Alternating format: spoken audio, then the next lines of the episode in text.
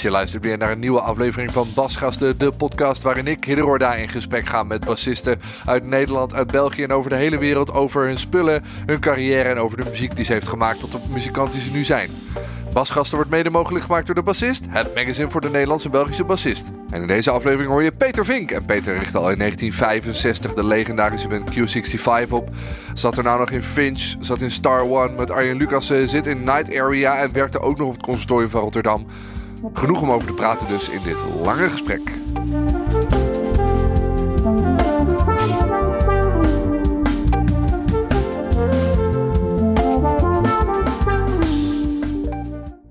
Nou, kijk aan. Nou, super. Leuk dat ik er mag zijn. Nou, hartstikke leuk dat je, er bent. In je volgbouwde mancave. Ja. Zie je allerlei herinneringen aan de muur hangen. Ja. Tekeningen en platen en... Uh... Ja, die kreeg ik van een fan uh, tijdens een optreden van Night Area. Die kwam uh, hele schuchter naar me toe. Hij zei, ik heb iets voor je. Ik denk, nou. En toen gaf hij was zo schattig. had hij helemaal uitgestanst in, in vinyl een award. ik vond het echt leuk. Heel tof. Ja, zalig. Ja. Uh, ja, traditioneel, ik, ik doe het bijna nooit meer, maar ik doe het nu wel, want we zitten ernaast. Namelijk, ik vraag heel vaak aan mensen welke bas heb je op schoot. Uh, we hebben nu geen bas op schoot, maar er staat er wel één die je volgens mij voornamelijk gebruikt. Ja, ik wil hem wel even op schoot nemen. Ja, een blonde Mike Lul. Ja. Um, M4V Vintage. Ja. Vertel, hoe, uh, wat, wat, het is niet de meest gebruikelijke uh, boutique jazzbas die... Uh... Nee, iedereen... Kijk, ik heb ooit in mijn lange loopbaan een stuk of vijf jazzbassen gehad, jazzbassen gehad en een paar precisions. En ik vond het... Ik heb ook hele oude gehad. 69er geloof ik. Waar die, volgens mij zitten die elementen nog in een andere configuratie. Ja. Maar goed... Daar heb ik heel lang op gespeeld. Beneden nog een foto in de serre. Sta ik met zo'n ding. Dus het was wel iets wat bij me paste. Ja. Uh, ik speelde. Op een bepaald moment kwam ik achter Chris Squire van Yes. Die zag ik live. En dat geluid op die platen vond ik zo te gek van die Rick. Dus ik ben toen uh, gaan kijken. Heb ik in Rotterdam in 1970 een Rickenbacker gekocht. Toen heb ik die Fenders allemaal weggedaan. Uh, ten eerste omdat een paar van die halsen waren getordeerd. Oh ja. Venderkwaal. Ja. En uh, ik had zo'n problemen met die brug. Dat bruggetje, fietsenstallinkie, weet je wel. ik vond het echt helemaal niks. Maar het geluid vond ik wel te gek. En uh, bespeelbaarheid was te gek. Het dunne halsje, dat beviel mij wel. Want ik heb niet van die lange vingers.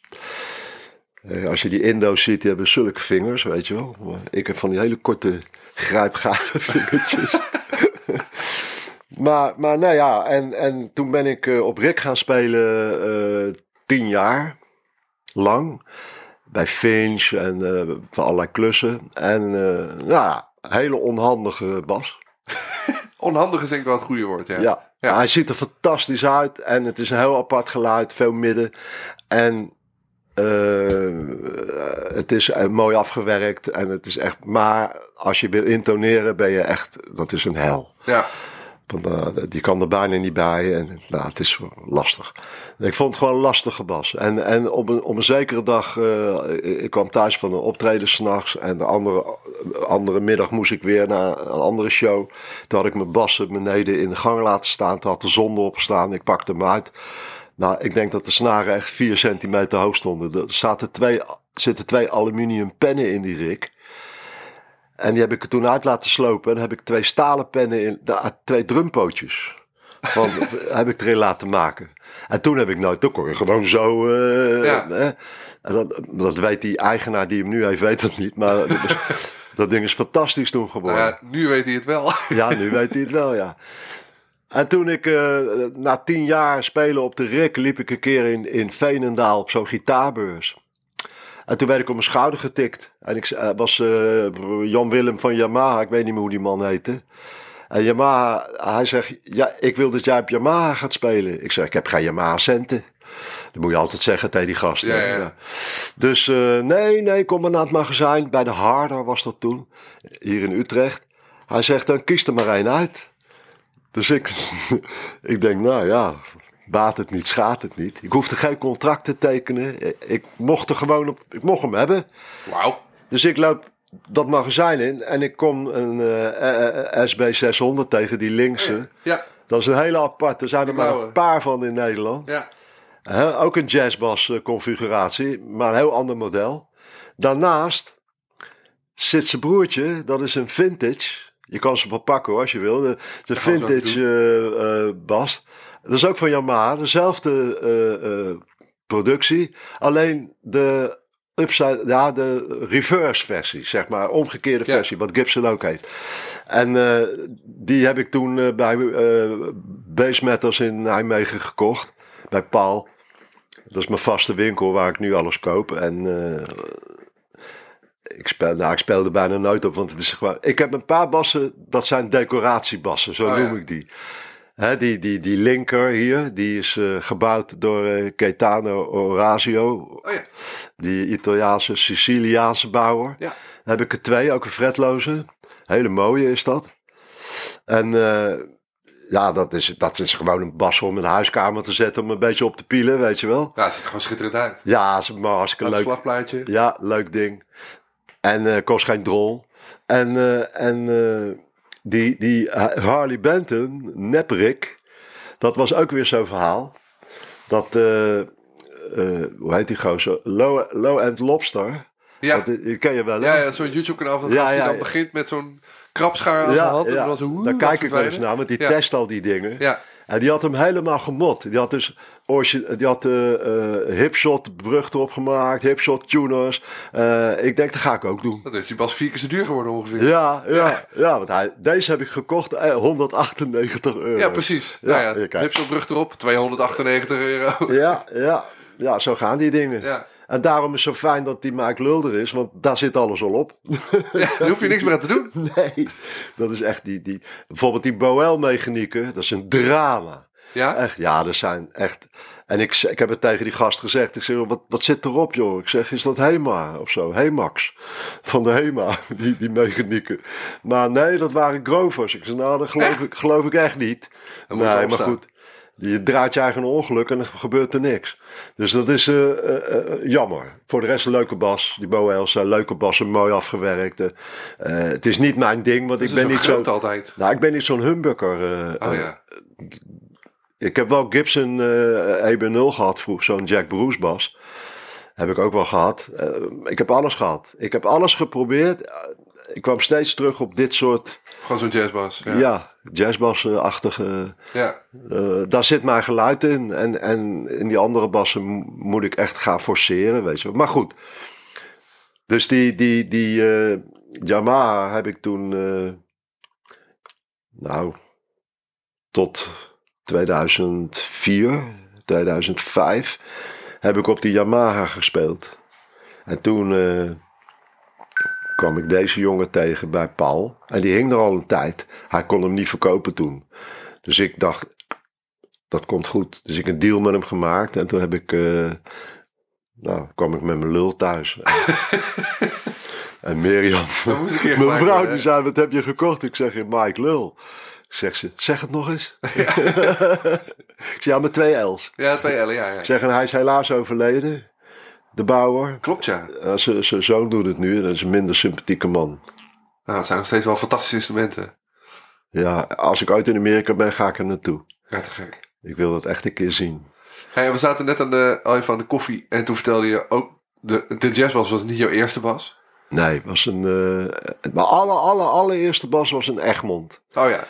En die kocht ik van een marechaussee, een agent. Wa- waarom kocht je een basgitaar?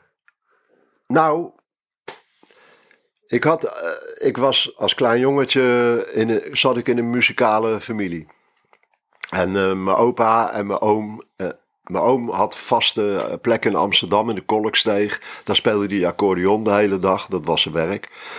Mijn moeder was eh, stewardess, eh, maar ook revue-danseres bij Snip en Snap.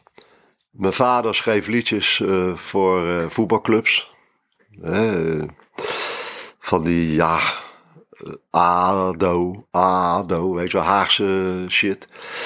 En eh, ja, mijn opa speelde accordeon. Dus ik kreeg op, op, op mijn vijfde of vierde, vijfde, kreeg ik zo'n klein accordeontje, piano, klavier. Dus ik naar mijn kamertje bij mijn oma en mijn opa. En ik, eh, ja, wat moest ik spelen? Er was niks. Ja, eh, Cliff Richard, Elvis Presley. Wel lastig op accordeon lijkt me. ja. One for the money. Toen Met de. Nou, die ging niet. Dus ik ging het Wilhelmus leren. Want ja, dat, dat, dat wist ik. En lang zal ze leven en dat soort dingen. Maar ja, na een paar maanden op dat ding, die trekzak, weet je wel. Ik denk, ik was het helemaal zat. Als klein jongetje, maar ik, ik voelde het. Dat was niks voor mij. Dus ik heb heel lang toen niks met muziek gehad. Alleen geluisterd. Ik ben heel erg muzikaal opgevoed, dat wel. Ik wist al heel jong hoe het allemaal heette en wie het waren. En waar ze vandaan kwamen. Dat kwam door mijn opa en mijn oma. En mijn moeder. En eh, op een zeker moment had mijn buurjongen had een gitaar. En toen vroeg ik, mag ik die gitaar een keer lenen? Nou, dat mocht. Dus ik naar mijn kamertje weer met die gitaar en ik pielen. Maar ja, ik ben linkshandig, dus dat was in het begin een strijd. Hoe, hè, dan wordt een soort Jim Haslip, weet je wel. Dat Ja, is- precies. Ja, Wel linkshandig, maar een snaar op de kop. ja, ja. lekker. Dus ik zat echt zo te klooien en toen brak ik de hoge E-snaar. Ik pot, daar gaat mijn zakgeld. En eh, nou ja, goed. Een tijdje later brak ik de B-snaar. En toen had ik nog maar vier snaren. En toen zag ik op een hoesje van de Amerikaanse band The Ventures. Die had mijn moeder uit Amerika meegenomen als stewardess zijn. En ehm, daar stond een man op met een gitaar met vier snaren. Ik denk, dat is de oplossing. ik wist niet dat dat een bas was. Ik kende wel een contrabas, maar ik kende geen basgitaar. Dat, dat, dat had ik nooit gezien. Nee. Dus ik zag voor het eerst eh, elektrische gitaren bij de Shadows. En het is over begin jaren 60, denk ik. Ja, Ja. eind, eind, eind 50, begin Ja. jaren 60. Ik was ja of 12 was ik. eh. Ja. En, en eh, nou, dat was rete interessant natuurlijk. En nou ja, die vier snaren. Dus zo ben ik gaan pielen op die vier snaren. En eh, ik kwam er al gauw achter dat, dat je dus als bassist, tenminste dat, het, dat wist ik toen niet, maar voelde ik wel, had je een soort dienende rol. Nou, dus ik begon te begeleiden, intuïtief te begeleiden. Meestal wisselbas, wel, C, G, C, G, A, B, C. Eh, omdat dat het meest makkelijkst in het gehoor lag. Ja. En toen werd Wilhelmus geleerd op die vier snaren en Langs als leven en bij ons in de Jordaan. En ik ging al die liedjes die ik toen kende als kleine jongen, Ja. ging ik proberen na te spelen. Leek natuurlijk nergens op, maar... Afijn, mijn oma en mijn opa, die zagen dat en die wilden me helpen. En die zeiden, oké, jij mag eh, in een bandje gaan spelen als je dat wil. Maar je moet zelf je bas verdienen. Want ik, ik was aan het zeuren, ik wil een basgitaar, ik wil een basgitaar. Maar dan keken ze naar die prijzen, dan, "Nee, dat gaan we niet doen. Zoek dus, het maar uit. Nee, dus, dus ik ben toen in een kistenfabriek gaan werken in, eh, in het Westland, zes weken. En daar heb ik mijn geld verdiend voor de eerste basgitaar.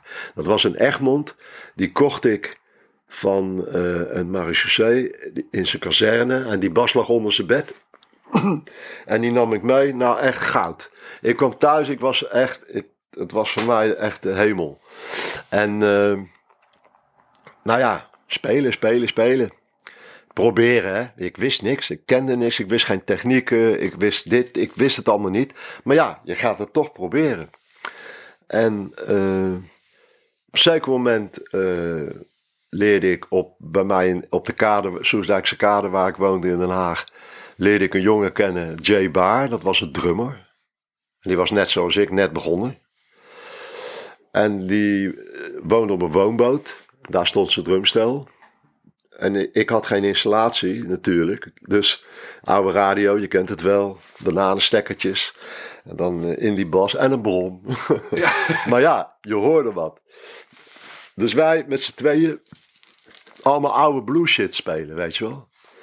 Eh, van Johnny Hooker en, en nou ja, noem maar op. En eh, dat, was, dat was het toen. En toen, toen kwamen al die blues eh, shows, die kwamen naar het Koerhuis in Den Haag. En ik, ben, ik heb ze allemaal gezien.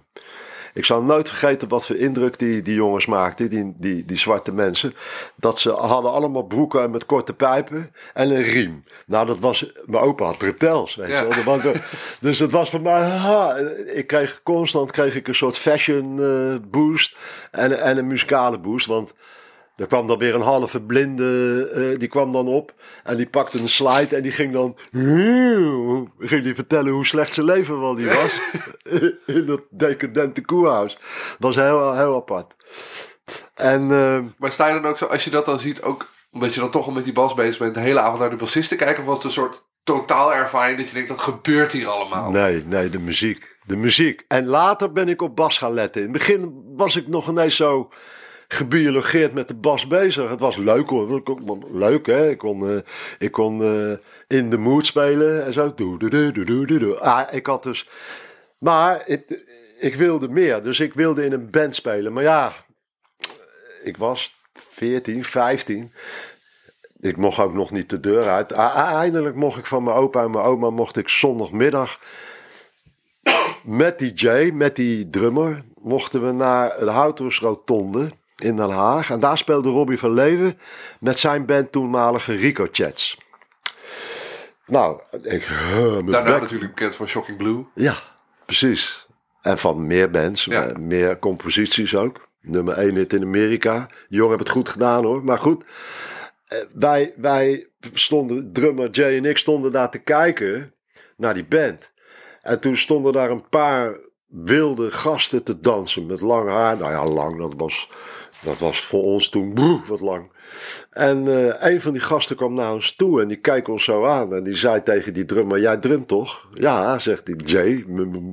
En jij bas toch? Ja, zei ik. Hij zegt, speel je nu bij onze band? Dat was dus de Q65. zo ging dat. En ik, eh, ik wist helemaal niks, joh. Ik wist, ik, ik wist niet hoe het heette. Ik, ik had wel ritmegevoel. Ja. Dat begreep ik allemaal wel. Maar de techniek en de theorie. Dus ik denk, potverdomme.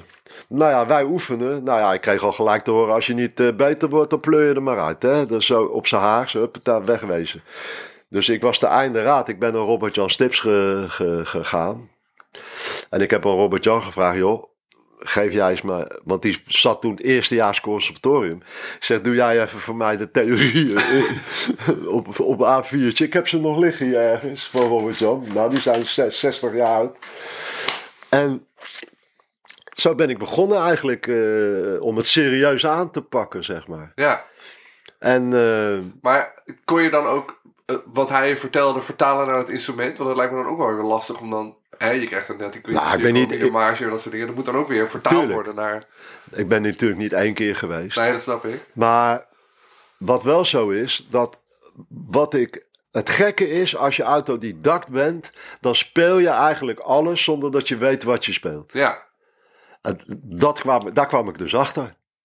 Dat een mineurladder, de mineur, de anderhalve toon zeg maar, dat begreep ik allemaal wel. Of dat hoorde ik wel, maar ik kon het niet benoemen. nee, precies. En doordat ik het zag, C, D, S, ik denk, verrek. Weet je wel? eh, zo, het, het was een omgekeerde wereld. Hè? Een soort van, oh, dat ben ik de hele tijd aan het doen. Precies, ja. Ja, En op een zeker moment eh, leer je collega's, die waren ietsje ouder als ik. Want ik ben altijd de jongste, nu ben ik de oudste. maar toen was ik altijd de jongste. Dus ik leerde mijn collega's kennen. Rinus van de Iering, eh, Klaasje van de Wal van Shocker Blue. Daar, daar strok ik mee op. En die hadden ook dezelfde start, zeg maar, als wij, als Ja. ik. En die kwamen ook steeds, het was ook een grote ontdekkingsreis in de, in de muziekwereld, maar ook in het bas denken als een bassist.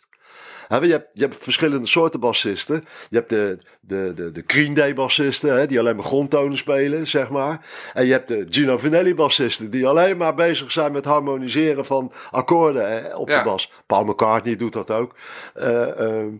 En mijn voorkeur gaat uit naar die bassisten. ja. Terwijl ik zelf veel minder daarmee bezig ben met hoe zijn de liggingen. Maar goed, toen in die tijd was het alleen maar twaalf maten.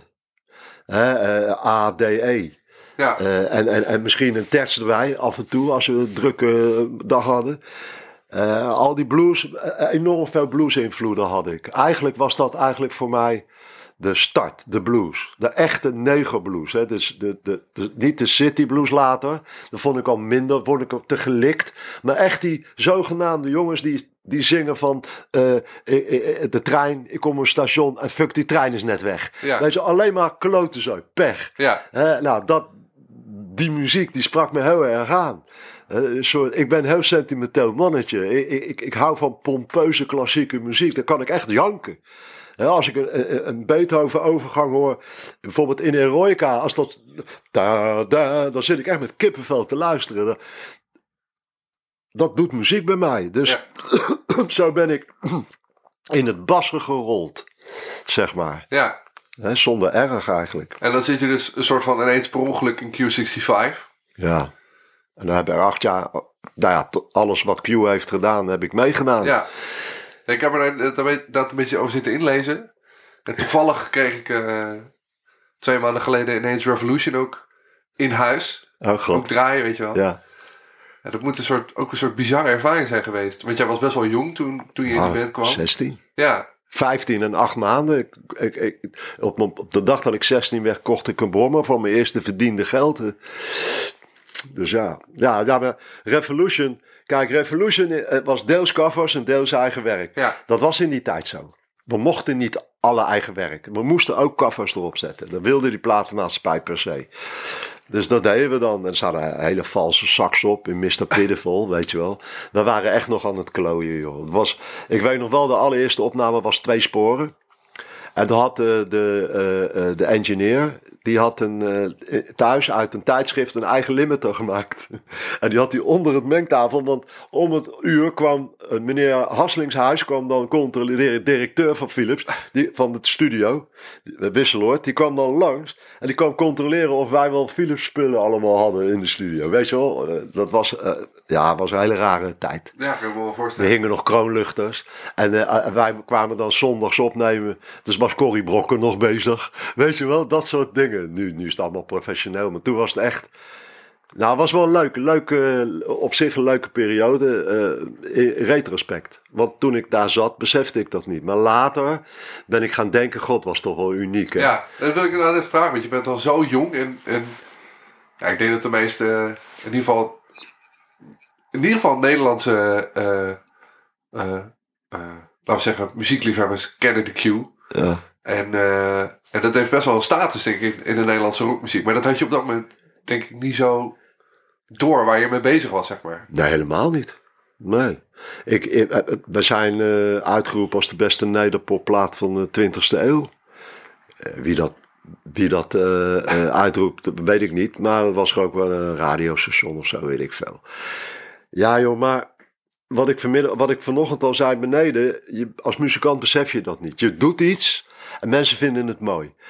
Of ze vinden het niks. Nou ja, dat kan. Dus het, het, het overviel ons aan de ene kant heel erg. Eerst kwam de, de Jorde Victor, die kwam al op nummer 11. Uit het niets in de Ja. top 40. Dat wij dachten, zo. En dan hoorden we elke keer op de radio, als we op weg waren naar een optreden, hoorden we op dat gammele autoradio, hoorden we die plaat van ons. En dan zaten we oh, zo in die auto. Het is wat, weet je wel. Ja. Als, je, als, je, als je zoveel mensen kan bereiken met zo'n klote nummer, dan is echt Ja, vind je waanzinnig. het zelf een klote nummer? Nou ja, dit, ik bedoel... Ik heb het singeltje ook liggen thuis. Ik het helemaal geen klote nummer. Nee, het is, het is garage rockachtig. En, en, Ja. en tuurlijk, het heeft wel een bepaalde culturele waarde. Maar als muzikant, het kijkt de boem, boem, boem, boom, boom, boom. Het is niet zo, het is niet mijn meesterwerk. Nee. dus, maar ik ben er wel heel trots op. Hè? En de Live Live heb ik meegeschreven. Dat was altijd handig financieel. En dat werd een grote hit. En eh, hij kwam ook nog eens op het album te staan, dus dat scheelt ook weer geld. Ja, want dat is inderdaad ook wel eh, eh, anders dan nu. Nu maken mensen een album en van het album kiezen dan een paar singles uit. Toen was het andersom. Precies, het was andersom. Toen kwamen er ook singles uit die gewoon niet op een album terechtkwamen. Ja, zeker weten. De hele mentaliteit van de, van de business was toen anders. Je moest je bewijzen met een single. Dus als, als de platenmaatschappij genoeg eh, kassa's hoorde rinkelen van die single, dan mocht je een budget krijgen voor een langspeelplaat. En eh, zo gaat het eigenlijk nog steeds. Het is eigenlijk niet veel veranderd.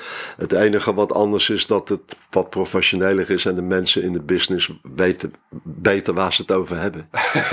Want dat was toen die tijd. Voor- en een nadeel kan ik me zo voorstellen. Nou, vroeger was het heel gewoon zo vreselijk, joh. Het was echt. Er zaten allemaal mensen eh, bij platenmaatschappijen die het eh, als hobby beschouwden. Ja. Dus eh, dat- dat- dat- dat was niet echt een professioneel. Kijk, wij zijn bijvoorbeeld heel slecht begeleid, de Q. We hebben zoveel blunders gemaakt, commercieel gezien. daar hadden zij ons moeten, voor moeten behoeden. Maar dat hebben ze niet gedaan, want ze wisten het zelf ook niet. Hè, Nee, waar ze met, dat overviel ze ook allemaal. Dus ja, ik weet niet. Als je, als je eh, bijvoorbeeld eh, eh, 15.000 eh, singles in de week verkoopt. 15.000 singles in de week. Wij dachten, oh, het zal wel. We hadden totaal geen besef wat voor impact we hadden op, op, de, op het volk, op de jeugd en whatever. En ja, ik, heb, ik kan er zijn boeken over geschreven, biografieën over mijn leven eh, door Patrick Lambrechts. Maar dat is nog niet in de uitgeverij, maar die heeft, die heeft dat helemaal uitgediept en ook de, echt in details. Hè? Dus eh, ik, hoe, hoe het optreden ging ook. Hè? Dus wij kwamen aan en dan stapten we in de kleedkamer, stond je al in een enkel bier. Er was, was, en er stonden de stoelen van de bingo club, die stonden nog opgestapeld. Het was helemaal geen cultuur, er was helemaal niks. Het was één stopcontact, daar moest de hele zooi op. En als dan eh, in Noord-Holland speelde en er staat zo'n vetkuif aan, met, met zo'n blonde toeter aan het tafeltje. En die trok dan de stroom eruit, want die vond er geen kloot aan. En dan hoorden wij, alleen de drummer. Is dat toch een beetje een vernietiging van het romantische beeld dat mensen dan hebben van rock en roll in de jaren 60? Ja, Nee. heftig. eh, Nee, van de rock'n'roll in de jaren mafkees die, 60 eh, was vaak vechten. Ja, We hebben heel veel vechtpartijen gehad met de Q. Omdat wij natuurlijk ook nog wel vrij heavy gasten waren in die tijd. Zaaleigenaren haten ons. Eh, maar ja, ik weet niet. eh, eh, wij waren gewoon onszelf. We waren geen... ehm, we- het, was niet, het was niet bedacht. Eh, eh, we, waren gewoon zoals we je waren. deed gewoon wat je wilde doen, ja. nou ja, zo, we, we deden het gewoon. En het was heel spontaan. En we gingen ook heel veel experimenteren. Bijvoorbeeld een gitaar met zes E-snaren. Hoge E-snaren. Kijk hoe dat klinkt, weet je wel. Ring, ring, ring. En dat soort trucs deden we allemaal. We gingen allerlei dingen... Want er was verder niks. Dus je ging zelf ging je op zoek naar iets wat anderen niet hadden. En dat was min of meer eh, onbewust. Maar we deden het wel. Ja, En ja, op zeker moment eh, kwam de beroemde Q-sound, hè? dus de kankerherrie noemden wij het altijd. en als we dan toen, want er waren nog geen PA's. En dus wij hadden twee zangzaaltjes. dus we moesten echt ja, bloeihard spelen. We speelden, als je populair bent, kom je in steeds grotere zalen. Op een bepaald moment speelden we in zalen van 4.000, 5.000 man. Met twee zangzaaltjes.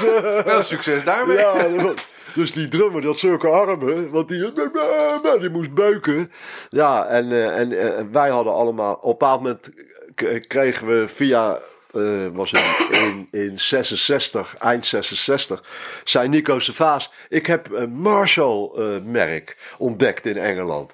Eh, oh, zeiden wij, Daar gaan we nog dat? veel van horen. Ja, en toen hebben wij dus, zijn we naar Engeland gegaan met z'n allen, naar de fabriek. Dat was een kippenschuur. Het was echt een oude kippenfabriek. En daar stonden vier jongens eh, aan een werkbank Marshall-versterkers in elkaar te zetten. En eh, toen hebben wij een hele Marshall-set eh, meegekregen. En toen zijn we op Marshall gaan spelen. Nou, op een bepaald moment eh, er zaten natuurlijk eh, EL, wat, EL34 buizen en die kutspeakers zaten erin. Veens of zo, Celestians. Nou, ik blies ze er zo uit. Na, na twee optredens waren al mijn, al mijn speakers naar de kloten. Dus dat, dat werkte ook niet. Toen, toen was, had je, een tijdje later kreeg je London City. Nou, die wilden ook dat wij op London City gingen. Dus wij weer naar London City. Allemaal op London City spelen. Ook weer pokkenzooi, brommerruis.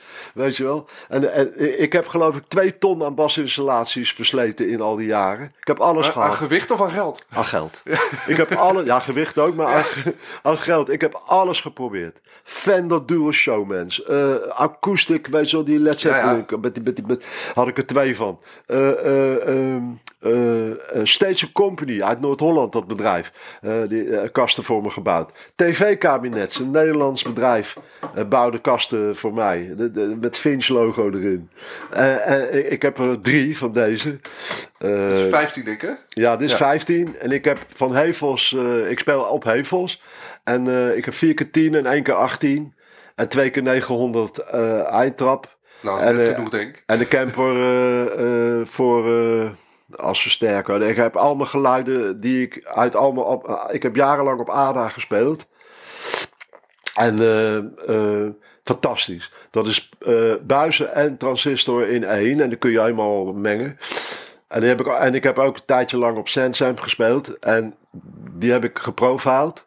Oh ja, er staat inderdaad een camper. Die staan dus op de camper nu. Ja. En dat klinkt als een beest, man. Ja, ja. ja, je moet even wennen, want het buizengeluid is warmer. Maar als je eraan gewend bent aan die digitale shit, het is alleen maar ideaal. Je neemt het mee, je sluit het aan en het werkt. Ja. En je hebt al je sounds. Ja. Je geen pedal, ik had zo'n pedalboard vroeger, man.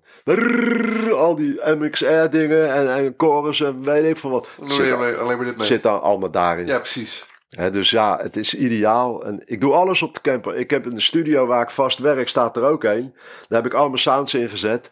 Dus ik hoef niks mee te nemen dan. Dan ga ik daar... Neem ik mijn... flop. Ja, en dat is... Eh, je hebt van die je hebt puriteinen die willen per se op buizen spelen. Maar denk jij dat echt dat dat biertje met die leren jas die naar ons staat te kijken dat hoort? Nee, nee, nee Het is voor jezelf, het is voor jezelf. Precies, het is ook het gevoel dat die versterker reageert precies. en die speakers. Het is voor jezelf. Ja, precies. maar de compressie uh, op, met buizen, dat is best wel veel. Uh, als je hard speelt tenminste. Hard aanslaat, zo ja. ik, ik speel met plexiglas. Dus dan sla ik keihard aan en dan ga je heel veel compressie, eh, natuurlijke compressie. Dat vond ik altijd jammer van buizen. Daar heb ik heel lang naar gezocht welke buizen daar wel tegen konden. Moeilijk. En, en uh, er zijn wel nou, ik, er zijn een paar merken die, die vind ik wel te gek. Hè? Dat is Ampecht natuurlijk. Fantastisch. Uh, veel te duur. Uh, ik vind uh, Eig. Heet oh, dat zo? Eig? Ja, Eig, ja, speel ik zelf op ja, vind ik ook uh, goed klinken. Uh, strak. Mm En uh, er zijn nog, ja, er zijn wel, Aquila vind ik ook fantastisch klinken. niet mijn stijl. Maar dat, moet je, dat soundje moet je wel liggen of zo. Het is wel goed. Ja. Maar je moet het wel ja, het willen. Is, het, is, het is Aquila. Ja. Ja. Is ook zo. Ik vind dat wel apart dat mensen met een versterker een eigen identiteit kunnen maken. Vind ik knap hoor. Echt. Want daar gaat het om. Hè? Kijk, technisch, technisch kunnen we het alles leren. Leren, hè? technisch. Maar het gaat om de sound. Wat haal je uit je hout? Wat haal je uit je instrument? Ik bedoel, neem nou bijvoorbeeld, uh, uh, ik, ik ken een heleboel bassisten die leggen dat ding onder een bed en die halen hem vrijdags eruit en dan gaan ze spelen. Ook goed. Maar ik heb liefde voor mijn spullen. Ik ben netjes op mijn spullen. Ik, als ik het kan verkopen voor een topbedrag, gaat hij eruit. Het is wel mijn gereedschap, hè? Precies. Hè, een goede hamer moet een timmerman ook hebben. Als die versleten is, koop je een nieuwe. Ja. Dus je moet er ook niet te veel emotie op hangen. Hè, eh, vrienden van mij die hebben eh, oude Fenders. Uh, nou jongen, het lijkt wel goud voor die gasten. Mhm. Voor mij is het gewoon hout mooi hout. Ja, en goed klinkend hout. maar het blijft hout gewoon. En, en ja, ik bedoel. Het is heel dualistisch eh, bij mij. Aan de ene kant ben ik verliefd op mijn instrument. En aan de andere kant kan ik hem zo wegdoen als iemand een goed bedrag voor geeft. Heel raar is dat. Ik, ik, ik weiger om me, om me emotioneel te binden. Want eh, er kan altijd iets beters komen. En dat dilemma wil ik niet hebben. Ik wil gewoon dan dat betere. Dat dat gewoon kan. ja, ja. Maar goed, ik ben, ben dus gaan bassen omdat ik maar vier snaren op die gitaar had. En uh, in de queue uh, heb ik hoop geleerd, ook. Geleerd hoe je op het podium je moet bewegen, wat je wel en niet kan zeggen. En uh, op een bepaald moment, op het hoogtepunt van ons succes, ging de queue uit elkaar, want de zanger wilde in dienst. Hoe controversieel kan het zijn? Ja, ik wou net zeggen, dat kan, je, kan je je nu ook niet voorstellen van sorry, ik stop ermee, want ik ga het leger in. Wij schopten tegen de maatschappij aan met onze muziek. En de zanger wilde in dienst. nou ja, dat heeft hij dus gedaan. En toen vroeg ik, waarom wil je in dienst? Hij zei, ja, ik vind de bokstraining zo leuk. Oké. Hij is overleden, dus ik, kan, eh, ik wil niks boos over hem zeggen. Maar het was nou niet een eh, stabiele jongen, nee. Laat het zo maar zeggen. En eh, toen stad ik, ik had ineens geen werk meer. Fuck man. Het lijkt me wel gek als dat ineens zo... Je hebt een soort... Nou, laat, laat bijna zeggen, een soort imperiumpje opgebouwd met die band. Ja. En dan het dan ineens zo... Ja, van de ene op de andere dag. Ja. Ja, 1969. Ja, was het claro. Ik kan me het laatste optreden nog ineens meer herinneren. Maar, wat dan? Wat moest ik doen? Dus het was, eh, ja, afijn. Albert Heijn, die kwam ineens met het idee, als jullie voor ons een, een, album maken voor de, voor de winkelketen, dan kom je in het rek bij de kassa te hangen, eh, rekshopping, en dan krijgen jullie eh, 10.000 gulden. Dat is 2000 gulden een man. En wij dachten, nou, we waren al uit elkaar, maar we dachten, ja, Prima. laten we het maar doen. Twee jaar later, hè, was twee jaar later inmiddels. En zo kwam dus de, de nieuwe Q tevoorschijn. Maar dat was lang niet zo succesvol op de plaat dan, hè, Ja. als, als de oude Q. Maar wel in het land, wel in de popzalen, altijd uitverkocht. Iedereen zong alles mee. Dus dat was wel leuk. Maar dat duurde ook weer niet zo lang. Want ja, het zijn niet echte profs, hè. Het zijn liefhebbers die muziek maken. En ja, acht uur is acht uur, niet tien over acht, weet je wel. En je bent je eigen baas. Jij weet, jij, jij werkt ook en je, je moet op tijd komen. Ja. Hè? Anders ben je... Je, kun- Ja, je je kan bent ook afhankelijk van elkaar, weet je wel. Je, kan, je bent met z'n vijven. Precies. Je hebt geen zin om op iemand te gaan zitten wachten. Precies. En dus na twee jaar toeren, pardon, twee jaar toeren viel dat ook weer uit elkaar. Maar ik bleef wel bevriend met Joop Roelofs. En inmiddels met Beer Klaassen, de drummer van de Q. Want Jay Baar die was bij Boudewijn de Groot gaan spelen. eh, de drummer van de Q, de originele drummer. Dus. en eh, toen zijn we in het Paard van Troje in de kelder gaan repeteren. Ik weet niet waarom we gingen repeteren, maar we gingen gewoon repeteren. We wilden gewoon de Q voortzetten. En dan met K-J-O-E. Q. Oh ja. Nou, dus dat was een, eh, een eh, ja, hoe zou je dat nou noemen? Tijdverdrijf. En toen, eh, we konden geen zanger vinden en wij maar zoeken, jongen. En wij advertenties plaatsen en we konden geen zanger vinden. Dus toen op een zeker moment zei Joop Roelofs, de, de oude gitarist van de Q, die zei van waarom ga je niet instrumentaal spelen? Zei ja, instrumentaal spelen, dat is kansloos in Nederland. Nee, ja, maar nou had ik van een Rodi gehoord dat er een talentvolle gitarist woonde in Breukelen. Streng gereformeerd. Eh, die familie die hadden ook geen telefoon. Dus ik moest een telegram sturen. Dus ik stuur een, nou dat heette toen een telefonische oproep. Dus daar kwam de post aan de deur en die zei dan, Wil je bellen? wil je bellen? Ja. Dus hij belde me op. Ik woonde toen midden in de Schilderswijk in Den Haag, want dan was het een huurgoedkoop. en dat was trouwens een gezellige wijk hoor, daar niet van. Maar eh, hij kwam dus naar Den Haag. Ik haalde hem op van het station. Nou, hij was zo groen als gas. Eh, die, die jongen mocht, mocht eh, tot late leeftijd nog ineens op zondag naar buiten van zijn ouders. Zo streng waren ze in de leer. En eh, ik kwam al gauw erachter, toen hij ging spelen, dat het een talentje was. Ik denk, Jezus Christus, die is goed. Dus wij weer oefenen met de cue, hè, zonder zang. Nou, dat, dat, dat. Dus op een bepaald moment instrumentaal muziek. En toen kwam, ik ook achter dat hij een fantastische componist was. Hij was ook autodidact, maar hij kon het. Dus hij maakte de nummers en ik deed de organisatie van de band. En de producties en nou, noem maar op. En eh, zo met z'n tweeën zijn we toen begonnen die band op te bouwen. Nou, een jaar repeteren. Elke dag repeteren. Weekend vrij, jaar repeteren. Ik zat in de uitkering eh, op zeker moment, dus ik kon, kon, ik kon gaan repeteren. Eh, band opgericht, Finch. Nou, moeilijke muziek. 11 achtste, 9 achtste, 5 achtste. Ik werd er gek van. Ik wilde net vragen, want dat is nogal een, een stap vanaf de queue naar Ja, precies. gewoon Precies, dat was een progrock eigenlijk. Proghok, ja. Ja. En nog hoogste niveau Precies, ook nog. ja. Niet, eh, niet eh, Riverside of zo. Nee, Nee, nee, precies, gewoon echt eh, maar zo ja. echt, ah, man, blaar op mijn klauwen. Dus dan kreeg ik dit. Moet je je voorstellen, hè? Dan krijg ik dit. Dit. Hij kwam met een akkoordenschema en dan moest ik dit spelen.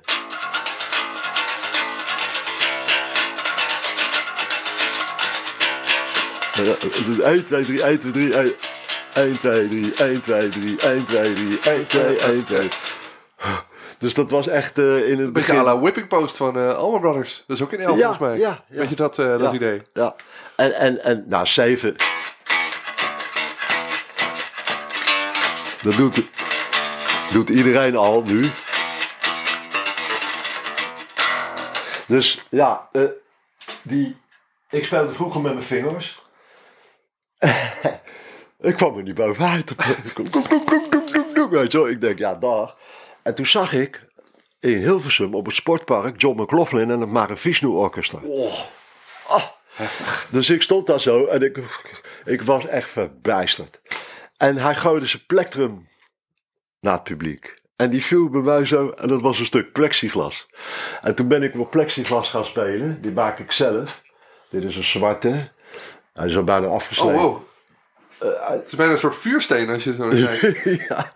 Nou, deze is nog vrij nieuw. Dit is gewoon geslepen plexiglas in de vorm van een plektrum. nou ja, Hoeveel ik- snaren breek je hier precies mee, Peter? Niet, nooit. Nee? Nee. Wauw, dit is best wel scherp. Ja, maar ik doe elke optreden nieuwe snaren. Hè? En het is heel stijf. Elke optreden nieuwe snaren. Oh, wauw. Ja, ja, ja, ja, ja. Ik heb een snarendeal, anders kan ik het niet Nee, betalen. precies. Maar elke Dunlops, ja. Maar je hebt eh, eh, eh, met, die, met, die, met dat plexiglas heb je een ander soort attack Ja, als met een slappere plektrum. Dus ik heb alles uitgeprobeerd. Weet je, slappe plektrums zijn handig als je groovy moet spelen, wat je normaal met je vingers. Ja. Hè, maar dit is alleen maar voor het snellere werk. Weet je wel, eh, in Magoria moet ik zulke. In de rockopera moet ik zulke snelle dingen spelen. Dat is echt heel erg gitaristisch. Een gitarist die, die iets verzint voor een bassist is een ramp. ja. oh, vertel mij maar. Ach man, man, man. Die, die, die, die, die- met die dunne haren. Ze spelen op, niet op snaren, ze hebben haren op hun, op hun gitaar. En dan, dan, We zeggen nu alle gitaarluisteraars van deze podcast vaarwel. nee hoor, nee, nee, ik hou van gitaar. Eh, eh, Ik ben een eh, solo gitaarliefhebber. Ik vind het echt fantastisch. Op een solo kan ik ook kippenvel. De solo van Best of Time van Dream Theater. Die eindsolo. Ja, dat, dat, daar kan ik wel honderd keer naar luisteren. Dat is zo mooi gespeeld. Zo goed gedaan. Eh, ja, ik... ik, ik- Bijvoorbeeld, ik ben een hele grote fan geweest, en nog steeds, van Led Zeppelin. Hè? Ik heb ze vijf keer, terecht ook. nou, vijf keer live gezien en dat was vier keer ramp. Slordig, jongen, die Ja. gitarist. Jammer, joh. Want hij heeft zulke briljante dingen gedaan. Maar het was echt, het was echt, eh, eh, oh, mijn vrouw komt thuis. Het was echt, eh, ja, Led Zeppelin, fantastisch. Wat een, wat een muziek. Eh, eh, eh, oorsprong, de oorsprong voor popmuziek is drie pikkies en een drummer en gaan. Ja. Weet je wel? En, en dat mis ik een beetje in de moderne tijd. Dat is allemaal sophisticated, over nagedacht, uitgediept. Ook als het lijkt alsof het drie pikjes en een drummer is. Ja, Er is dan vaak ook over nagedacht. ja, precies. Ja. En, en dat is wel jammer. Maar het, het leuke is van... ik ben ook groot Beatle-fan. Ik heb ze ook live gezien. Ja, zowel in Blokker, de beroemde concert, Ja, ja, ja. als in Engeland. Uh, Beach Boys ook live gezien. Eh, al die oude knarren heb ik allemaal live gezien. Eh, Cream, The Who natuurlijk heel vaak. Small Faces, Kings, Trogs. eh, noem maar op. Ik ging naar alles kijken. Als ik vrij weekend had, pakte ik een vliegtuig en dan vloog ik in mijn eentje naar Londen. Dan had ik een hotel in zo'n chique wijk. En die mevrouw die kende ik dan inmiddels na al die keren. En die had dan zo'n kuttelikkertje op de arm zo. En als ik dan aan de balie stond, dan wou die voor de kil gaan, dat hondje. Dat, dat zou ik nooit vergeten. Dat was een heel apart surrealistisch hotel. De bedden stonden op wielen. Dat, dat ik op zeker een hele grote eh, Victoriaanse kamer. En dan, dan kwamen we met, uh, kwam ik wel eens met een collega. En dan gingen we botsautootje spelen met die bedden. en dan kwam zij met dat hondje weer naar boven. Je hoeft zelf niks meer te zeggen natuurlijk. Nee joh. Maar daar heb ik alle grote bands gezien op, uh, op allerlei festivals en in, in zalen. En op co college uh, zaaltjes. Mm -hmm. En ik wilde leren. Ik wilde weten. Wat is nou het geheim van de Cream? Waarom is Clapton zo goed? Waarom is Bruce? In die tijd was Bruce heel goed. Later, ja, ja. later vond ik het een ramp met die fretloze bas. Ja, maar ik, heb, ik vond die, die reunie-show van Cream die ze in 2005 deden wel weer heel vet hoor. Ja, maar dat, Tuurlijk, maar dan is hij weer eens oud. Dan is hij op zijn home. Ja. Uh, want al dat solo gedoe. Ik heb hem een keer op Ole Filter op Duitsland. Had hij die fretloze Warwick. Ik heb hem uitgezet. Ik schaamde me kapot. Was alleen maar vals. Alles was vals. Ik bedoel, als je fretloos spelen. Luister naar Jaco. Dan weet je hoe het gaat. En voor de rest moet je poten vanaf blijven. Als je het niet, niet hoort. Weet nee, je, als je het niet weet. Want het is zo slecht. als je slecht fretloos speelt. Ik doe het ook nooit live. Uh, Lucas vroeg laatst aan mij, uh, een paar jaar geleden, wil jij fretloos op, op mijn plaats spelen? Nee. nee, dat doe ik niet. Dus uh, ik, ik, doe alleen maar wat ik kan. Ja. ik ga niet experimenteren op andermans muziek. Maar, maar goed, dus op een bepaald moment naar Finch. Finch was het eerste jaar werden we met tomaten bekogeld en eieren als we ergens speelden. Instrumentaal. Vonden mensen te ingewikkeld of zo? Ja, die konden er niet op dansen. Nee, Ze vonden het helemaal niks. Tot Radio Veronica de tweede plaat LP van de week maakte. Toen was het gelijk omgekeerd. Uitverkochte zalen, ovaties, mensen begrepen het ineens. Ja, maar dan krijg je ook publiek wat de muziek al kent en wat dat ook wil zien. Precies. En uh, na vier jaar was het op. We, we, hadden gewoon geen inspiratie meer. Het, het, het werd er niet beter op. Platen. We hebben drie albums gemaakt. En uh, dat was voor ons welletjes. Toen zat ik weer zonder werk. Potverdomme. Weet je wel. Nou, even uh, tussendoor nog even Big Wheel opgericht. Uh, hit mee gescoord. Met Robbie van der Zwan. Shell Schellekens op drums. Gekke Shell. En, uh, en hoe heet die?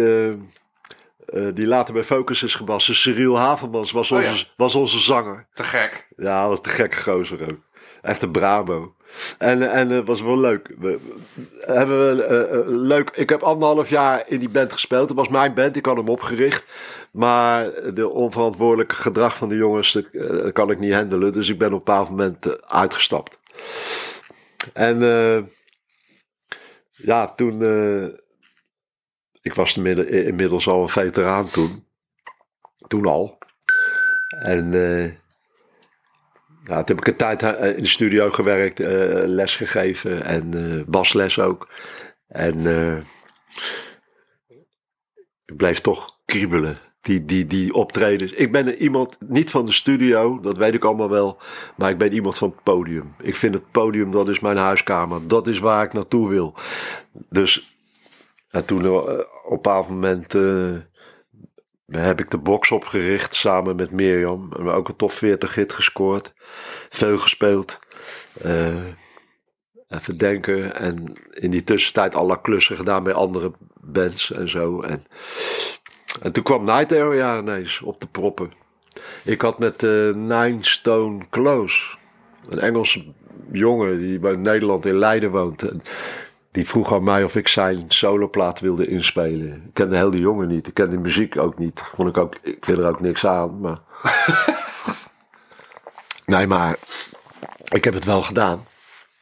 Het is heel doem, heel doem, heel donkere muziek. Nine Close. En, en uh, daar drumde de drummer op van Night Area, Pieter. Pieter van Hoorn.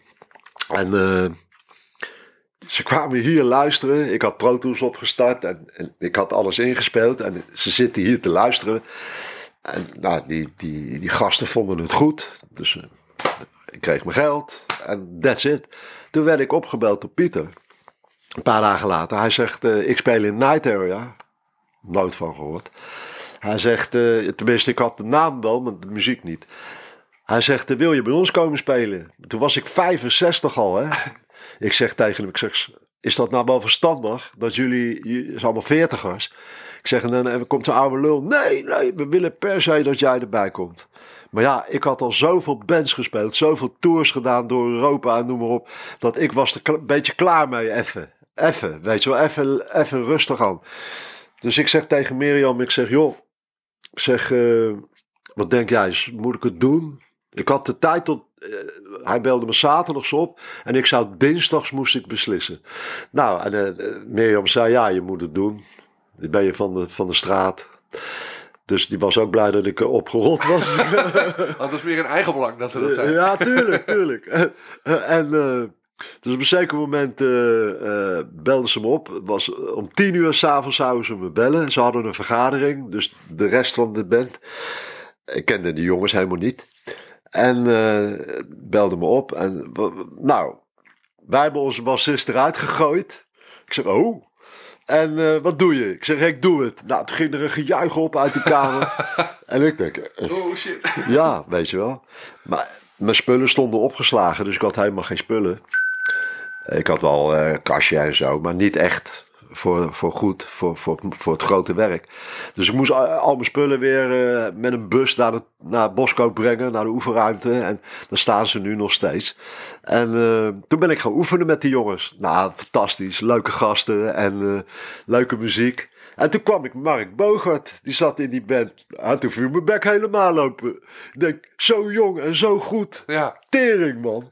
Jezus. Nou, ik speel nu tien jaar met hem. Het is een van mijn beste vrienden. Uh, zo, zover je beste vrienden kan hebben in de business. Maar privé kunnen we heel goed met elkaar opschieten. Ik ben ook een beetje een soort mentor van hem geworden. Want hij was had talent, hij, hij, hij, begreep het, hij hoorde het, hij voelde het, maar hij had nul, nul ervaring eh, in principe. Dus ik heb hem een beetje gestuurd. Hè. Uh, niet, niet, ik heb hem niet, ik ben niet een vader of zo voor hem geweest, maar wel een beetje ja, van uh, let daarop en let daarop. Kijk uit voor mannen met regenjassen en snorren. niet in uh, de managers. de busjes meegaan. ja, nee, maar dus... Ja, het is nu zo'n goede, goede muzikant, zo'n goede gitarist. Hij heeft maar lang niet meer nodig. hij kan alles zelf. Zijn meisje, zijn vrouw kan heel goed zingen ook. Dat is ook meegenomen, net zoals de mijne. Dat valt mee. En uh, dus ik heb met alle plezier, met heel veel uh, kick in Night Area uh, speel ik nog steeds. En dat vind ik echt hartstikke leuk. Ja. En daarbij is het ook leuk om Magoria te doen, die rockopera Jack the Ripper. En er komt volgend jaar een nieuwe plaat uit. Die, heb ik, die heb ik ook ingespeeld. Ah, dat was ook weer, was ook weer zo tricky moeilijk, man. nee, ik zou Waarom doe je dat dan ook al die nou, Ja, maar ik, zie, als ik naar rechts kijk, zie ik ook een, een, een uh, ding van Arjen Lucassen en daar ook een, een poster van Arion. denk ik, ja, die kiezen wel zelf voor om al die moeilijke shit te gaan spelen. Ja, maar ik word ervoor gevraagd, weet je ja. wel. Star One ook. En, en, en, ja, daar word ik voor gevraagd. En, en, ja... En als je dan mag spelen met, met Russell van, van uh, Symphony X en ja, ja, ja. van Trans-Siberian Orchestra laat. Met al die toppers. Ja, dan ga ik geen nee zeggen natuurlijk. En, maar stel je, voor, stel je voor dat je nu zou vragen voor een vergelijkbaar project. Zou je er dan nog steeds nee. helemaal de schoppen studeren om dat dan te gaan doen? Nee. Nee.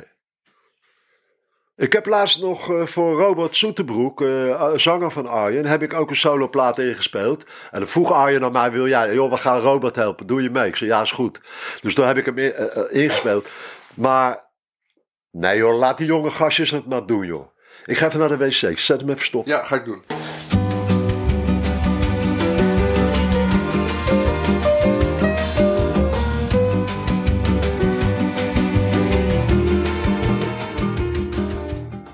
Band loopt. We zijn er weer. Ben niet. ja, maar uh, zo, zo gaan die dingen. Dan kom je met al die bands en al die uh, toestanden. Word je ineens gebeld door het Rotterdamse Conservatorium. Die gaan een nieuwe opleiding starten. Of ik in de denktank uh, wil plaatsnemen. Ik heb veel pra praktijk, praktijkervaring. Ja. Dat heb ik gedaan. Ik heb een jaar lang in die denktank gezeten. Daar is de Rock Academie uit voortgevloeid. Die bestond toen nog niet. En uh, ik heb ook aangegeven van... Oké, het is... Iedereen vindt bandjes leuk. Iedereen heeft een Navy die in een bandje speelt. Ja. Maar laten we het nou potverdomme een keer serieus nemen. Laten we die bedrijfstak nou eens serieus nemen. Dat je het echt professionaliseert. Ja. ja. En, en, dat is mijn grote punt. Het blijft altijd tussen de schuifdeuren hier. Ik bedoel, uh, de eerste, de beste Nederlandse, dikbuikige Nederlandstalige zanger, die nemen ze serieus.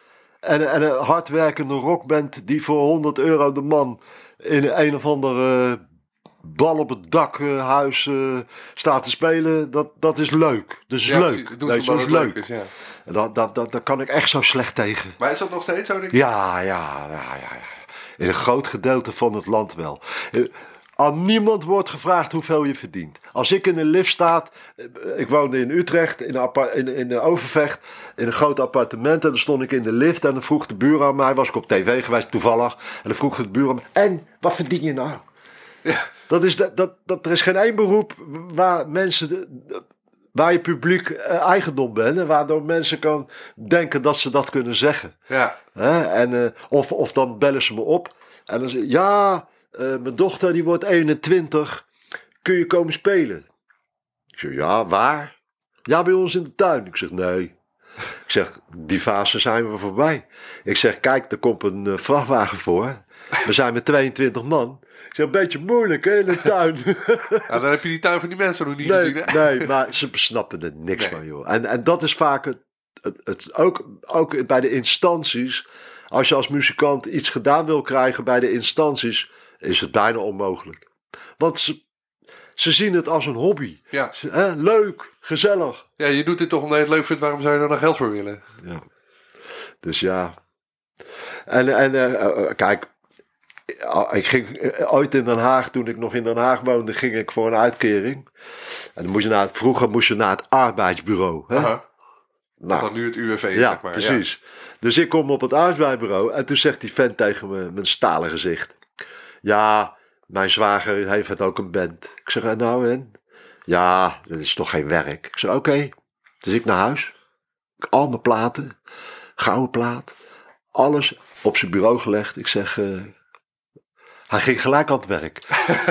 hij ging gelijk boeken, zei hij.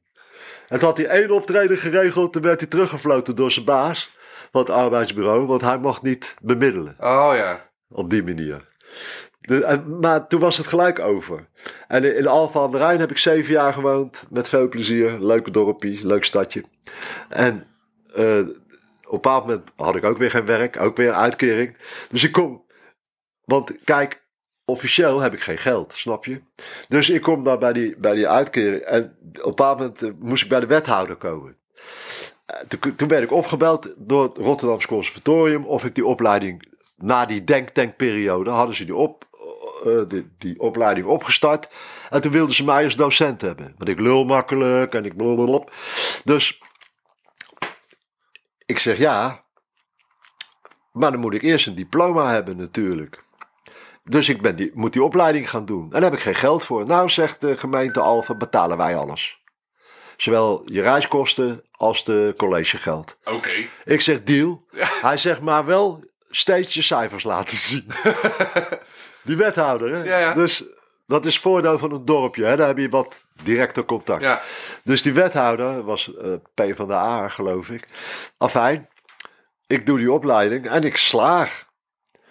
Dus, dus ik kom op het, op het eh, gemeentehuis, was een gemeentehuis. En eh, had hij een taart geregeld, die gek. Was een aardige gozer trouwens hoor. En ja, dat was ook heel apart het afstuderen, want ik studeerde af. En ben gelijk op vakantie gegaan. Dus bij de diploma-uitreiking was ik er niet bij. Dus ik kwam thuis van vakantie. Toen belde de, de baas van het conservatorium op. En ik zat ook in de ondernemingsraad in het conservatorium. Omdat ik de oudste was van de opleiding. Dus ik ik ook, moest ik ook in de ondernemingsraad zitten. En uh, nou, belachelijk, maar ze allemaal ambtenaren. Maar goed, ik, het, hij belde me op. Hij zei, ja, je diploma ligt hier in de kluis. Hij zegt, kom je hem ophalen? Ik zeg, ja, is goed, leuk. Hij zegt, uh, donderdagochtend half elf in Rotterdam. Ik zeg, ja, is goed, ik zal er zijn. Dus ik scheur naar Rotterdam. En ik kom naar binnen. Zit dus de hele staf die mij al die jaren les heeft gegeven aan een tafel. Met de directeur. En, en ik drink geen alcohol. Dus dat wisten ze niet. Dus allemaal wijn en zo. En ze gingen mijn diploma vieren. Maar ja, ik drink geen alcohol. Ik blow alleen. Dus uh, ik, ik, zeg tegen heb je niks te blowen dan? Nou, zulke rode konen gelijk allemaal. Dus uh, hij loopt naar de kluis. Hij pakt een rol en daar zat hij in, zo'n rol. En eh, met een cijferlijst. En eh, hij, hij pakt hem uit en hij, gaat, hij kijkt zo naar die cijferlijst. Hij pakt hem weer in. Hij zegt alsjeblieft. en net ik had 1-8 geloof ik. De rest allemaal zessen. Uh, maar, Ja, even zo goed, nee, maar even zo goed. Eh, Ivo uh, Severij zat bij mij in de klas. Eh ehm, Freddy Cavalli zat bij mij in de klas. Eh, al die gasten van vroeger, die zaten bij mij in de klas. En dan nam ik Ivo mee. Die ging, want Ivo is nou hè, de Eh, baas van de, de opleiding in Amsterdam. Ja, En ik reed dan met Ivo naar mijn huis toe in, in Alphen. En dan gingen we eh Whitesnake eh, luisteren. Is This Love, weet je wel. Want er zit die bas in. Doem, doem, doem, doem. Dat is een hele strakke ja. partij. Nou, dat ik interessant. Wij met z'n tweeën. Ja, dat is een hartstikke leuke tijd geweest. En toen ik dus klaar was en mijn diploma haalde... een half jaar later belden ze me op... wil je niet les komen geven bij ons? Ik zei, joh... Ben ik dat, eh, heb ik daar zin in? Ja. Ik verdien er zoveel geld mee. Doen. Dus ik ben dat gaan doen. Ik heb dus 11 jaar lang eh, 75 leerlingen per seizoen afgewerkt. Drie klassen van 25. En eh, dan moest ik ineens moest ik, eh, HBO-niveau tentamens gaan maken. Ik. Ik. Ik ben net het leesplankje ontgroeid. ik ja, dat was echt een ramp. Dus ik heb een jaar lang op internet eh, me inlopen le- lezen en leren over de geschiedenis van de popmuziek. En toen heb ik een, een, een examen gemaakt en een tentamen en ingediend. En dat werd goedgekeurd. En zo ben ik begonnen. En eh, ik heb dat met zoveel plezier gedaan. Het was zo leuk. Ja, ja. Al die pikken en meiden en jongens. Je hebt van die hardrockers, metal jongens, met, die lopen dan. Met zo'n spijkerjackie. Ja, en dan net als een rollen zeil onder hun armen. Ja, En eh, die werden zo. Hè? Eh, want als je, dat weet jij ook als leraar. Als je heel veel in je weet, dan kunnen ze jou nooit verrassen. nee, precies. Ja, je- nou ja, of soms juist weer wel. Ja, maar dan is het leuk. Precies. Hè? Dan is het, eh hey man. Maar je hebt ook wijsnozen erbij, hè? Zeker. En, en, eh, maar die verliezen altijd. Zo, dat, dat was mijn, eh, mijn instap. Dus eh, toen ik, toen ik al die pedagogiek en al dat gedoe. ik heb dat allemaal wel serieus genomen. Maar ik blijf gewoon een straatjongen, je wel. Een jongen van de straat. Ik verbeeld me niks. Ik ben bassist van beroep. En ik, ik doe het met vreselijk veel plezier. En ik, ben, ik word 74 eh, deze maand. En eh, het staat op de kalender. Maar ik voel me niet zo. Eh, mijn lichaam wel, maar mijn geest niet. Nee, echt niet. Je krijgt allerlei kwaaltjes als je oud wordt, weet je wel. Je gaat moeilijker plassen. seks wordt minder. ik heb een 12 jaar jongere vrouw, dat is best wel lastig. Dat soort dingen overkom je dan. Maar op het moment dat ik op een podium sta, dan ik, is het voepen. Dan ben ik, in- dan ben ik een baby. Echt, voor me, dan ben ik zo in mijn zonen. In, in- echt. Ik heb zeven kleinkinderen en een achterkleinkind. Eh, mijn kinderen zijn al zo oud, die kunnen mij onderhouden inmiddels. weet je wel. Maar ik merk er niks van. Ik bedoel, hier. Ja. Het, het ligt gewoon aan jezelf. Je, ik heb vrienden die worden echt, die gaan oud. Ja, die worden echt oud. En die kopen ba- bandplooibroeken. Want je loopt niet meer in een spijkerbroek als je zo oud bent, Ja. weet je wel. En kettingkies en ta- ik heb tattoos overal. Nee, nee, oh, oh, dat is zo erg. Ja, dat vind ik dus allemaal gelul. Ik ben zoals ik ben. En ik ben heel blij en ik ben een heel gelukkig mens. En ik heb helemaal geen problemen. Ik- het is gewoon, tot de dood blijf ik muzikant. Tot de dood blijf ik bassen. Eh, al zal het hier alleen maar zijn. Koptelefoon, eh, drumcomputer en klooien. Eh, het is zo fijn om te doen. En ik ben natuurlijk simracer. Met de virtual reality bril, Oculus. Ik race op internet tegen de hele wereld. Heel professioneel ook. Alleen dat is wel hobby hoor. Ik bedoel, dit is serieus en dat is hobby. Ik heb ook eh, eh, alle professionele spullen. eh, Het ziet er inderdaad wel heel heavy uit. Dus een soort, echt een soort stellage met zo'n gebogen scherm. En, ja, ja, zoals een Simrik. Ja, Ja, en ik doe ook mee. Allemaal heel streng, hè, die wereld. Want je hebt vrije servers, maar dan rijden jongens tegen het verkeer in. En doen ze expres, weet je wel. Dan gaan ze allemaal. Dat, dat is niet leuk. Nee. Dus je, je hebt ook de, de wachtwoordservers. Daar zitten de serieuze simmers op. Max Verstappen onder andere. Dat soort gasten. Mhm. En dan rij ik altijd achteraan, want die gasten zijn zo goed. Die zijn een half jaar bezig om het af te stellen. Ik ben alleen maar, ik stap in en ik scheur weg, weet je wel. Maar ik heb ook in het echt mijn racelicentie gehaald toen ik jong was. Ik heb rallies gereden, ook toen ik zoveel geld verdiende. Heb ik toch wel een beetje geld opgemaakt aan rallies. Uh, ik, ben altijd ook liefhebber van snelheid geweest. Uh, ja, het is gewoon, uh, ja, je gaat je hart achterna, je gevoel achterna. Ja. En ik heb altijd geluk gehad. Ik heb zo, ben zo geluksvogel geweest. Ik heb altijd succesvolle bands, altijd optredens gehad.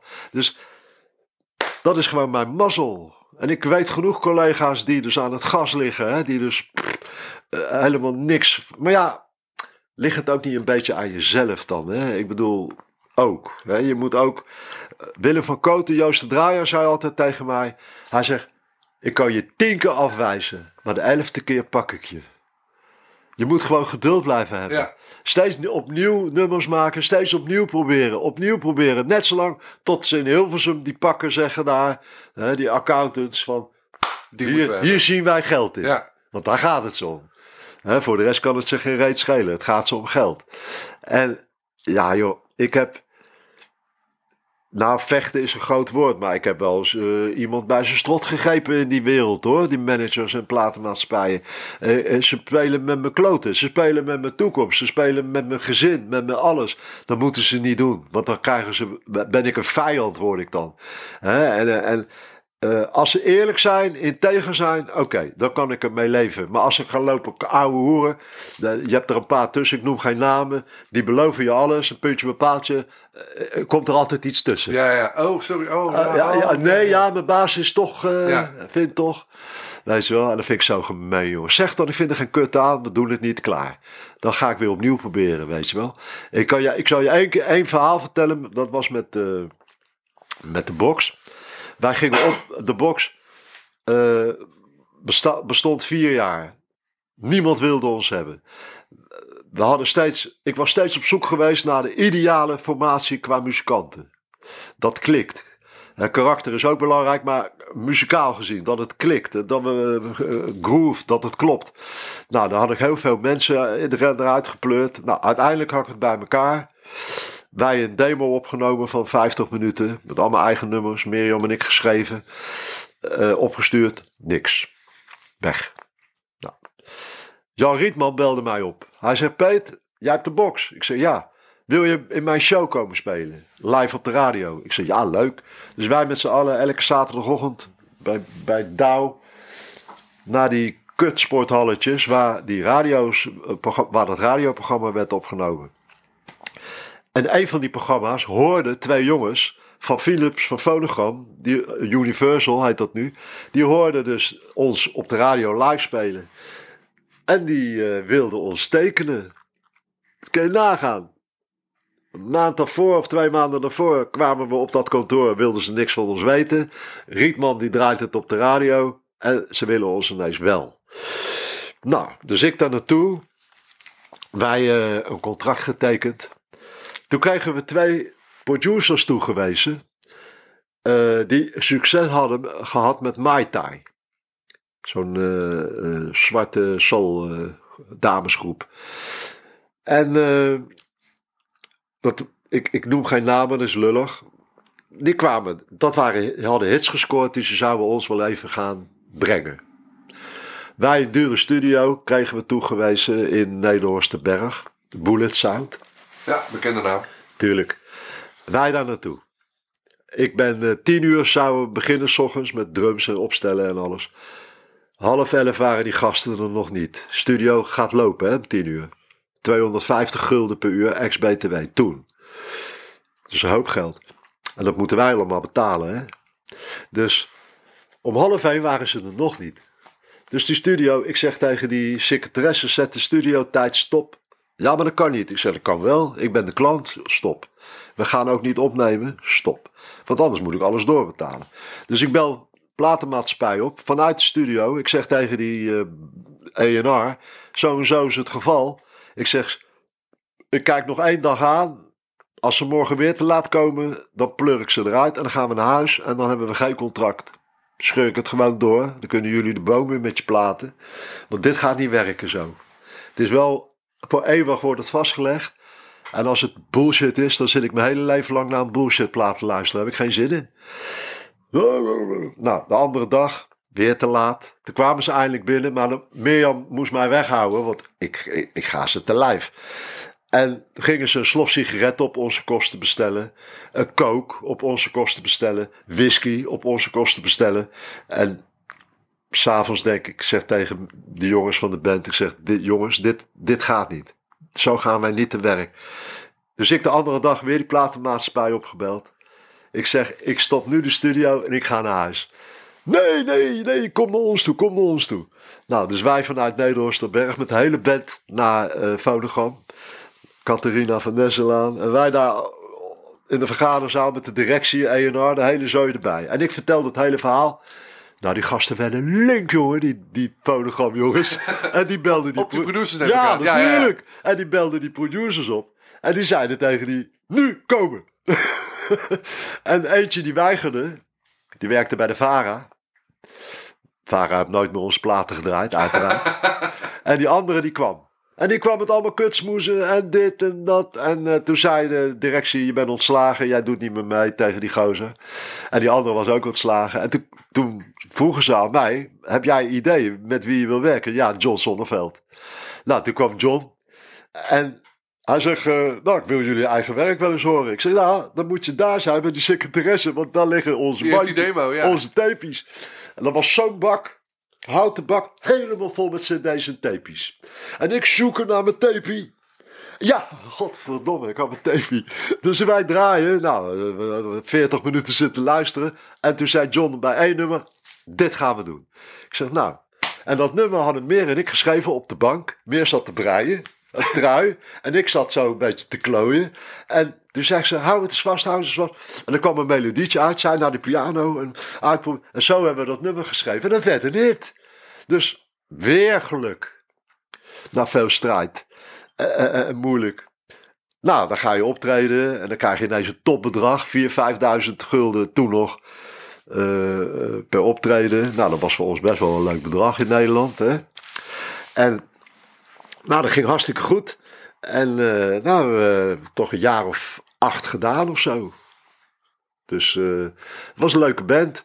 En toen vroeg uh, Lucas mij voor Star One of ik die in wilde spelen. Nou, die twee CD's ingespeeld. In de loop van de tijd. Ik heb nog een paar dingen. Ik heb het allereerste album helemaal ingespeeld. Nog wat singeltjes en wat de, uh, videoclips. En ik was dus de vaste bassist van Arian. maar ja, ik bedoel, hij, hij weigerde op te treden. Dus ik had er weinig aan. Tot, tot, tot mijn dag dat hij zei van ik ga op tour. Uh, ik werd opgebeld door een tourmanager en die zei van uh, Arjen gaat op tour en die wil jou als bassist. Uh, wat denk je ervan? Ik zeg nou wat verdien ik? ja, het is mijn werk. Ja, tuurlijk. Ja, zoveel en zoveel. Ik zeg, nou, ik wil zoveel en zoveel hebben. Hij zegt, ik zal het doorgeven. En toen belde hij later terug. Hij zegt, Arjen vindt het te weinig. Hij geeft je zoveel en zoveel. Ik zeg, dan doe ik het helemaal. Dus uh, zo, zo, zo, ja, zo gaan die dingen. En, ja. Toch weer mazzel gehad. Ja, en, en dan ga je met, met die gasten op tour. En, uh, ja, dat is hartstikke leuk, man. Uh, professioneel, twee nightliners. Floortje, Floortje van, van Nightwish in het koor. De koor was het koortje met de zus. Ja, dat was echt te gek. Uh, ik heb er een hoop vrienden aan overgehouden. Damien uh, Wilson uh, bijvoorbeeld, is een goede vriend. Demi achter Zielepoot. En uh, ja, het, het, zou, het, is gewoon, eigenlijk zijn het allemaal jongens die s'avonds op de rand van hun bed zitten in hun pyjamaatje ja. en denken, shit, weer een dag voorbij. Weet je wel? Ja. Uh, je moet het niet te hoog inschatten, die gasten. Het zijn gewoon doodnormale jongens die iets anders kunnen. Ja. Hè, als timmeren of lassen of, of solderen of wat dan ook. Die kunnen gitaar spelen of zingen of orgel of keyboards. Uh, Joost van der Broek is een hele goede vriend van mij. Echt, nou, top producer, top engineer. Uh, ik, ik, Maar het is, als, we hebben het nooit ergens over. Het, zijn gewoon, het is gewoon een vriend. Weet je wat ik bedoel? Ja. En, en kan mij het schelen wat hij allemaal flikt. Hij, hij mixt onze platen? Dat, daar sta ik op. Maar het is niet zo dat ik Joost zie als... Weet je wel, het was een pikkie van 19 toen hij bij- Aryan kwam. Weet je wel, dus ik, ik zeg, ga jij eens cola halen? Weet je wel, zo. Eh, Het was natuurlijk belachelijk voor mij dat ik dat deed. Ik, Arjen die gaf me ook gelijk een standje. Maar, maar ja, het zijn gewoon allemaal jongetjes en ze hebben geen witte poep, hè. Het is allemaal gewoon, hè. En, en als je dat kan volhouden, dan kom je het verst. Echt een heel mooi tegeltje om mee af te sluiten, Peter. Ik vind het heel fijn. en ik hoop dat je er wat... Het is een beetje onsamenhangend. Ja, dat maakt niet uit. Dat vinden de mensen niet zo erg. Oké, Dankjewel. graag gedaan, jongen. Je luistert naar Basgasten en dit keer was ik in gesprek met Peter Vink. Basgasten wordt gemaakt door mij, Hidde Roorda. Muziek is van Tyranny Vlog. Vergeet je niet te abonneren op de podcast op je favoriete podcastplatform, de playlist te checken, een review achter te laten en vriend te worden op Vriend van de Show. Bedankt voor het luisteren en binnenkort weer een nieuwe aflevering.